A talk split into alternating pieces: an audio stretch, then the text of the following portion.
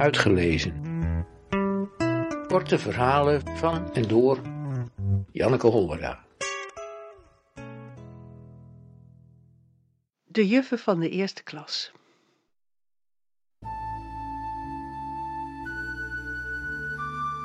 Toen Simone 65 werd, belde er s'avonds iemand op. Een onbekend nummer. Ze negeerde het. Maar het nummer belde nog een keer. En nog een keer. Dus nam ze toch maar op.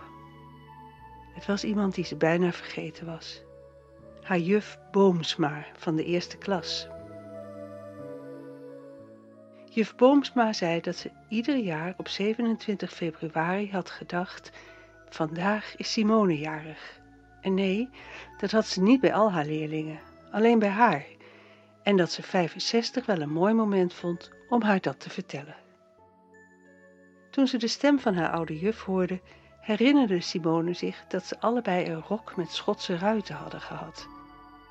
En af en toe hadden afgesproken dat ze die op dezelfde dag aandeden. Dan mocht juf Boomsma de hele dag de speld van Simone's rok in haar rok hebben, want juf Boomsma had geen speld. Bas herinnert zich zijn juf Schaken uit de eerste klas. Iedereen moest haar bij binnenkomst een kus op de wang geven. Maar als ze kwaad was, kon ze twee jongens tegelijk bij hun kuif pakken en ze met hun koppen tegen elkaar slaan. Op zijn eerste rapport gaf ze Bas een 4 voor gedrag, omdat hij de hele tijd op zijn stoel zat te draaien. Bas, die aanvankelijk nog opgewekt met zijn rapport langs de deuren ging, was al snel flauw van het commentaar dat iedereen meende te moeten geven op de vier die op zijn rapport prijkte. Hij liet het daarna aan niemand meer zien. Mirjam had voor ze naar de eerste klas ging al kennis mogen maken met juf Jongsma. Ze vond het een hele leuke juf en verheugde zich op de grote school. Maar toen haar moeder haar die dag in september naar haar klas bracht, stond er een andere juf, die helemaal niet op juf Jongsma leek, integendeel. Juf Jongsma was jong met leuke haren en een vrolijke rok, maar hier stond een hele oude, grijze mevrouw met een hoornen bril en een rechte rok.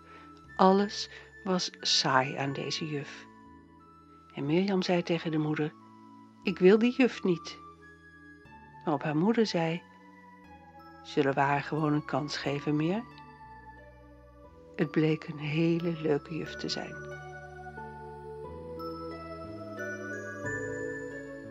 Jan Hes woonde op het platteland in Groningen. Hij had een hele goede juf, zegt hij, die alle 24 leerlingen in een paar maanden tijd perfect Nederlands bijbracht. Want als je iets wilde worden, dan was er maar één weg: Nederlands leren. Dat ze daartoe regelmatig doorwerkte, ook als de bel al was gegaan, vond hij niet erg.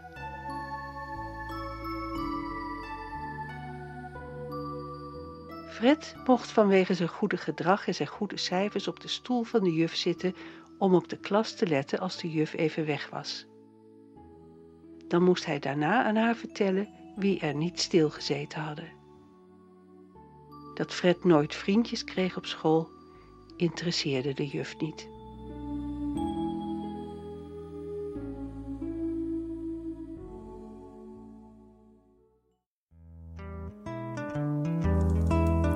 Uitgelezen.